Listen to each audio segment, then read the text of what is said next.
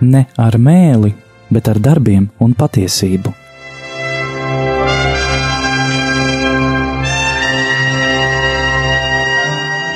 Atvērsim svētos rakstus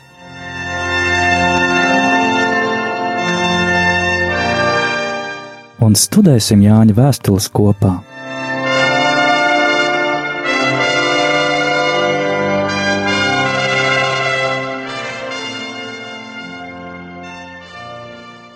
Slavēts Jēzus Kristus, mīļā radio Marija draudzene! Turpinām tiešām studēt svētos rakstus pēc tāda neliela pārtraukuma. Es domāju, vai turpināt šo pašu tēmu, vai veidot kādu citu raidījumu ciklu, bet notikumi ir risinājušies tā, ka ka šī tēma kļūst pat vēl aktuālāka, jo kā lasām, kā redzam, kā dzirdam, ka ļoti lielu uzmanību tieši tam pievērš mūsu pāvests Francisks, mudinot mūs mīlēt ar darbiem, iziet ar mīlestības darbiem pie saviem tuvākajiem. Pagājušā gadā pirmo reizi pēc pāvesta iniciatīvas tika svinēta arī vispasaules trūcīgo diena, kas jau tieši uzrunā mūs un mudina parādīt savu mīlestību tuvākajam ar darbiem, nevis tikai ar skaistu runāšanu. Tātad turpināsim pētīt Jāņa vēstules un izvērsīsim šo tēmu arī tālāk, jo par šiem mīlestības darbiem, kā tos darīt, kā rādīt citam dieva vaigu caur mīlestības darbiem, runā ne tikai Jānis, bet ir uh, arī Jēkaba vēstule, ir par to runājis arī Pāvils, un mēģināsim tieši šos fragmentus apskatīt un pārdroši varbūt tas skan, mēģināsim pēc tiem dzīvot, jo Dievs jau ir tas, kas dos spēku un saprašanu to darīt. Un atgriežoties pie Jāņa vēstulēm, neliels atskats. Tās pieder pie tā sauktajām pastorālajām vēstulēm, tās ir tādi draudzes gana vēstījumi saviem draudzes locekļiem, un faktiski skaidro daudz dziļāk un pamatīgāk evaņģēlijus. Un pirmā Jāņa vēstule ļoti dziļi paskaidro Jāņa evaņģēlija būtību. Pat dod norādījumus, kā evaņģēlija mācību iedzīvināt savā dzīvē, lai pārējie apkārtējie redz šo gaismu. Pēc tradīcijas Jāņa vēstuļa autors ir Tas pats, kas Jāņa evaņģēlijam, tā tad māceklis, kuru Jēzus mīlēja, un ja mēs ielūkotos Jāņa evaņģēlija 13. nodaļā, mēs redzētu, ka tas ir tas māceklis, kas atrodas pie Jēzus krūtīm, tā tad klausās Jēzus sirdspūkstos, dzird viņa sirdi, tad viņš ļoti dziļi izprot savu skolotāju Jēzu, un tāpēc viņa mācība ir, var teikt, pat atšķirīga. Jā, pirmie trīs evaņģēliji ir tādi, varētu teikt, cilvēciski evaņģēliji, tad Jāņa evaņģēlijs un Jāņa evaņģēliju atbalsi un komentāru mēs redzam arī Jāņa vēstulēs, jau ir Ja Jēzus vēsts, garīgais skaidrojums atklāja Jēzus vēsts būtību. Redzam no pirmām divām nodaļām, kuras mēs jau reiz, jau labu laiku atpakaļ pētījam, ka Jāņa vēstuļu autors tās ir adresējis tādām četrām cilvēku grupām - tēviem, jaunekļiem, bērniem un bērniņiem. Tā tad var saprast, ka cilvēkiem ar dažādām ticības pakāpēm. Viena ir jau kā tēvi, kuri ir labi, apguvuši šo mācību, var šo gara barību dot citiem, jaunekļi, kas ir teikt, pašā tādā dzīves viduspunktā, ir spējīgi mācību gan uzņemt, gan to īstenot ar saviem darbiem un arī to aizstāvēt, ir bērni, varbūt varētu saprast pat jaunieši, kas tikko sāk ticības ceļu, un bērniņi, mazie bērniņi, kas ir jaundzimušie, tikko kristītie, tikko draudzē ienākušie.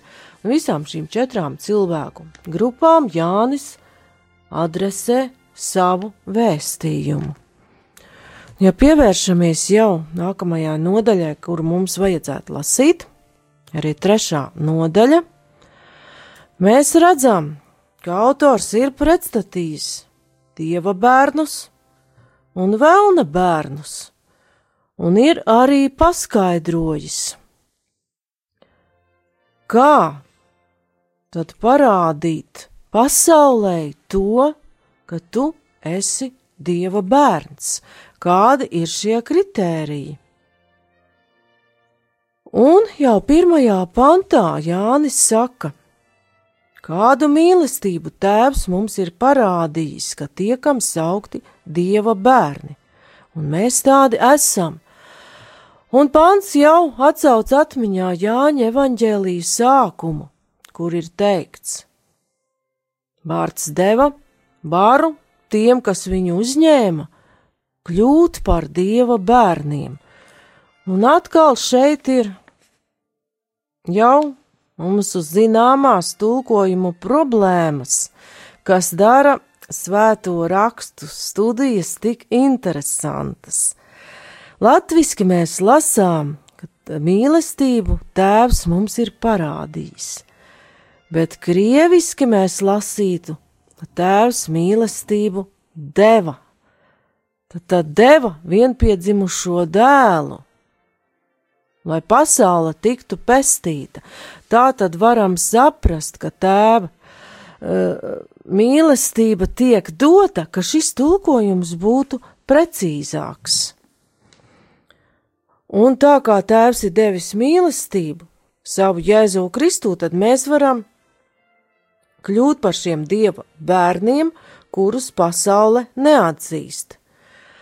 Tālāk Jānis uzrunā, it kā mīļie atkal krieviski, tulkojums ir dziļāks, krievu valodā mēs lasām vazvļubļenie, tātad iemīlētie tie, kurus dievs ir iemīlējis.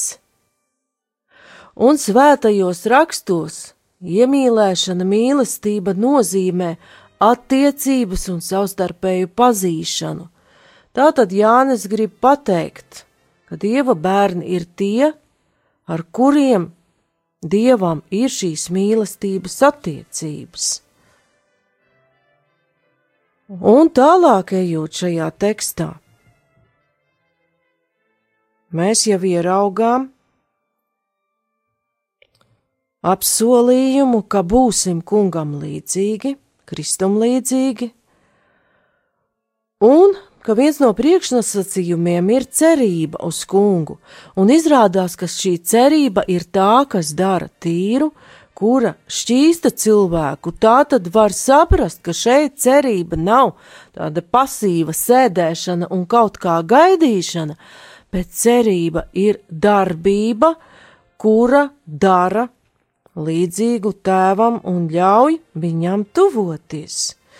Un tālāk jau autors pievēršas šim nodalījumam, kā tad atšķirt dieva bērnu no kā cita bērna. Katrs, kas dara grēku, dara arī netaisnību. Grēks ir netaisnība. Un katrs, kas paliek viņā, negrēko. Katrs, kas grēko, nav viņu redzējis, nec viņu atzins. Bērni, lai neviens jūs nemaldina, kas dara taisnību, ir taisns, tā ka viņš ir taisns, kas dara grēku, ir no vēlna, jo vēlns grēko no sākuma. Tādēļ Dieva dēls atnācis, lai viņš iznīcinātu vēlna darbus. Ik viens, kas ir no dieva dzimis, nedara grēku, jo viņa sēkla paliek viņā, un tas nevar grēkot, jo viņš ir no dieva dzimis. No tā var pazīt dieva bērnus un vēlna bērnus. Katrs, kas nedara taisnību, nav no dieva. Un arī tas ne, kas nemīl savu brāli. Un šeit kļūst it kā neskaidri, tajā pašā laikā ir vērts iedziļināties, jo te ir tie kritēriji. Kā tad dalās tie dieva bērni un vēlna bērni, pēc kā tad atšķirt un kā tomēr piepulcēties šiem dieva bērniem? Tā tad redzam, ka te ir minēts grēks darīt vai nedarīt grēku. Un tāds īru mūks, kas dzīvoja 8. gadsimtā Anglijā, Benediktīnietis beda godājamais pievērš uzmanību kādai niansē tekstā lietots grieķu vārds, kuru krieviski mēs varam tulkot, kas attiecināts uz tekstā minēto grēku - bezzakoņie. Tātad bez likuma darīt bezlikumību, jeb latviski mēs teiktu nelikumību. Tātad šajā tekstā grēks ir tas, kas ir nelikumība Dieva acīs. Un kāds ir Dieva likums, to viņš ir atklājis svētajos rakstos. Daudz kārtīgi un pats tāds pirmais mums labāk zināmais Likuma apkopojums ir desmit baušļi, jeb desmit vārdi, ko izceļošanas grāmatā kungs mums dod Sinaja kalnā, un kurus Jēzus iemiesotais vārds nav atcēlis, bet parādījis un atklājis visu šī likuma pilnību. Un Jāņa evaņģēlīs ir tas, kas visus desmit vārdus savelk vienā īsā mīlestības bauslī. Mīliet citu citu, kā es jūs esmu mīlējis. Un Jēzus šo likumu atkārto gan 13. nodaļā, gan 15. nodaļā Jāņa evaņģēlijā. Tad jaunais likums, kurš ietver vecā likuma pilnību, ir šis mīlestības bauslis un ir vērts pat ieskatīties, kā viņš skan abos šajos fragmentos, 13. un 15. nodaļā.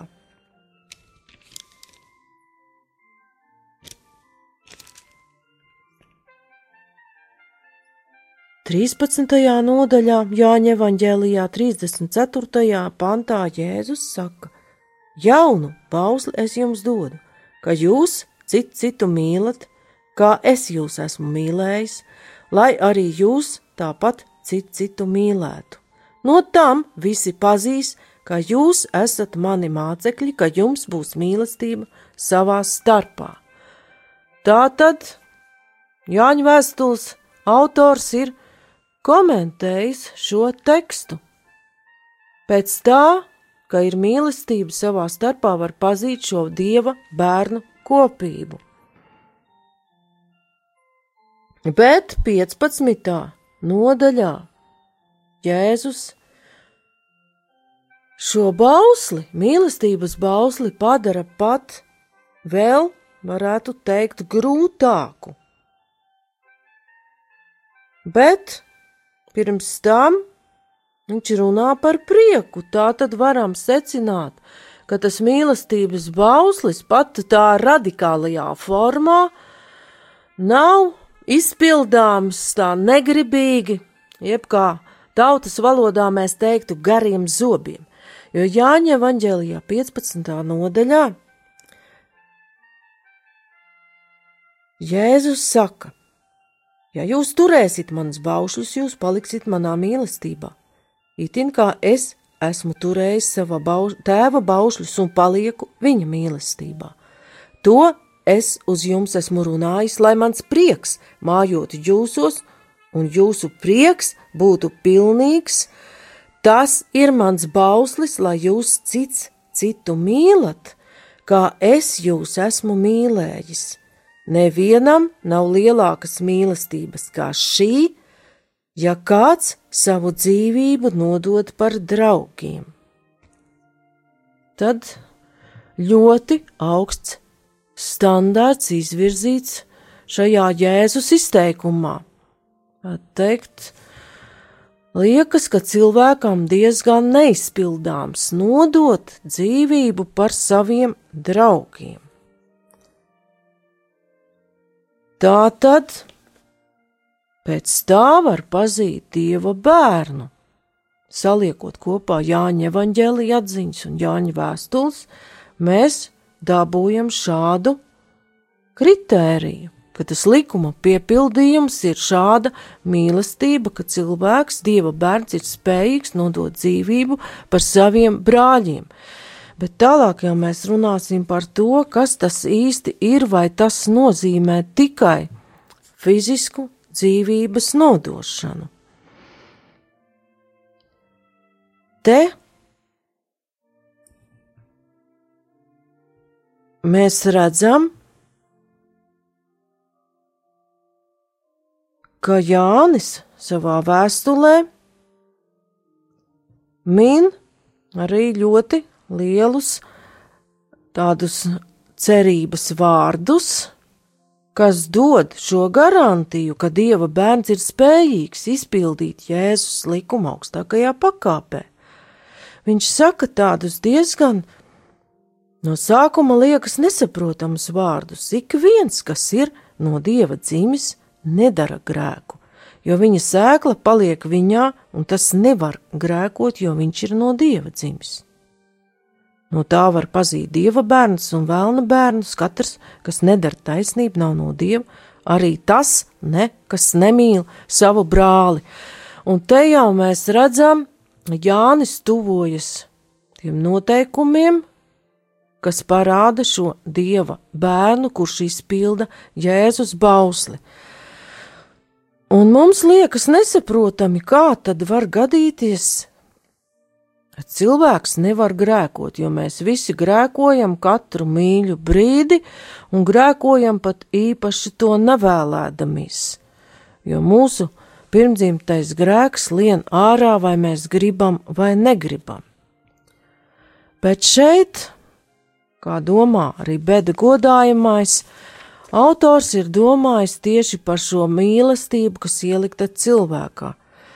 No dieva dzimis nedara grēku un par šo piedzimšanu no dieva, ja piedzimšanu no augšienes, jau Jēzum jautā gudrais rakstu mācītājs Nikodēms Jāņa evaņģēlija trešajā nodaļā. Kā tad cilvēks vecs, būdams, var vēlreiz piedzimt un piedzimt vēl no augšienes? Kā tad to saprast?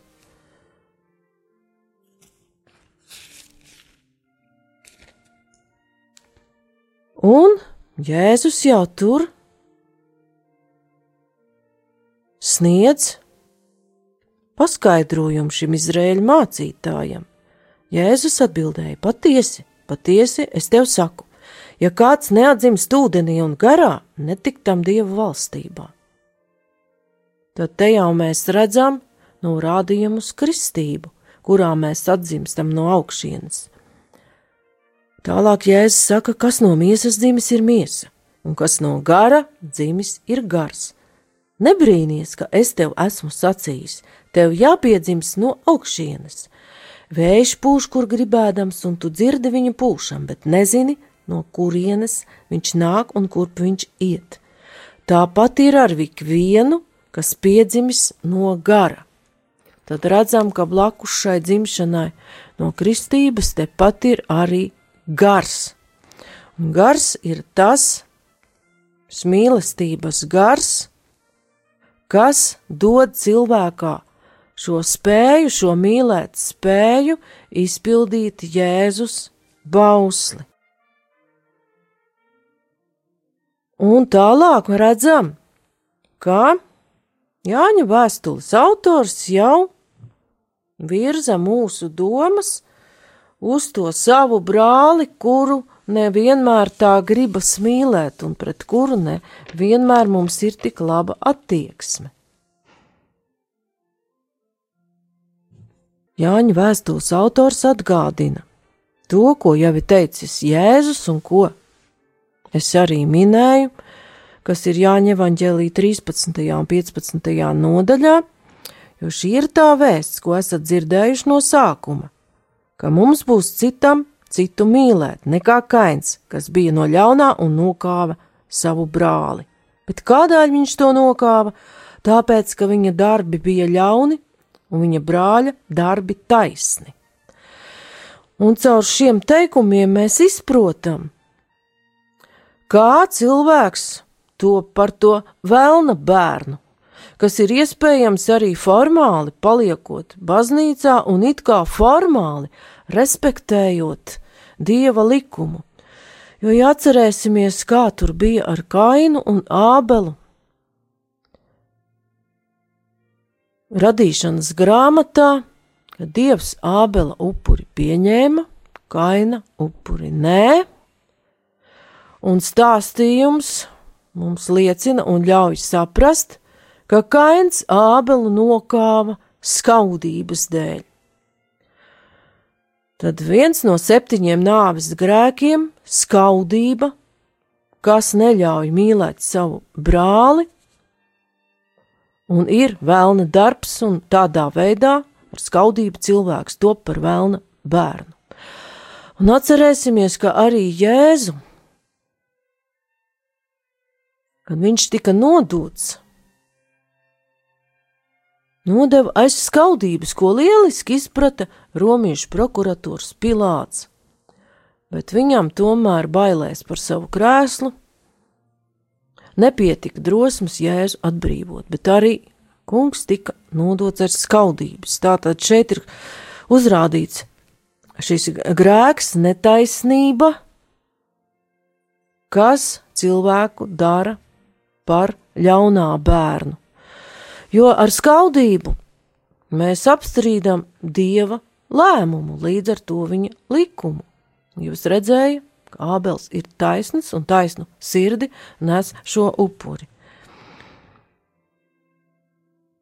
Un tālāk, paralēlos teikumos, atkārtojot domu, lai tā labi paliek mūsu prātā, Jāņa vēstules autors atkārto.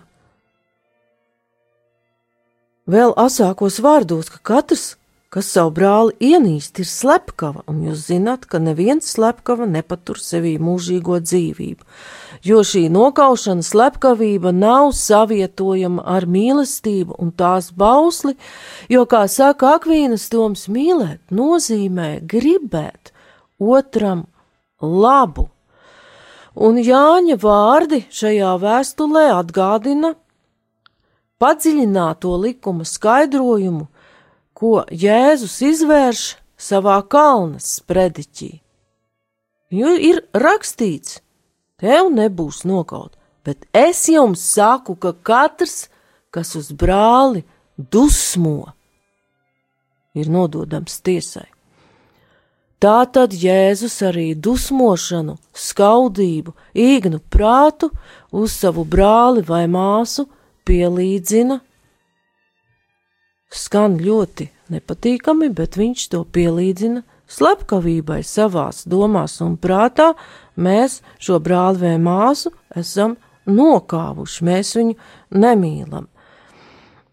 Un šai gadījumā mīlestība nenozīmē, ka mums pret brāli vai māsu uzreiz būs ļoti siltas jūtas vai emocijas, bet nozīmē, ka mēs viņu cienām, respektējam un respektējam kā dieva radītu būtni un savu iespēju robežās darām viņam labu, cenšoties saprast, kādu labumu viņam ir vēlējies Dievs.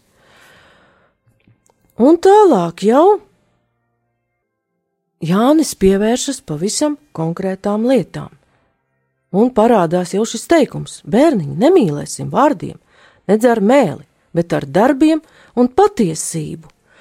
Tātad tas jau ir mūsu pāvesta aicinājums, jo dažkārt viņam pat tiek pārmests, ka viņš tādu individu morālo tīrību it kā noliek otrajā plānā un ļoti pievēršas šai iziešanai pie saviem tuvākajiem ar mīlestības darbiem.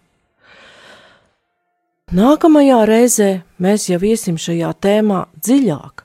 Kāpēc tā saka Kristus, kāpēc tā saka Jāņa vēstuļu autors un kāpēc tā runā mūsu pāvests Francisks un ko viņi gribējuši ar to pateikt un uz ko aicināt. Paldies par uzmanību!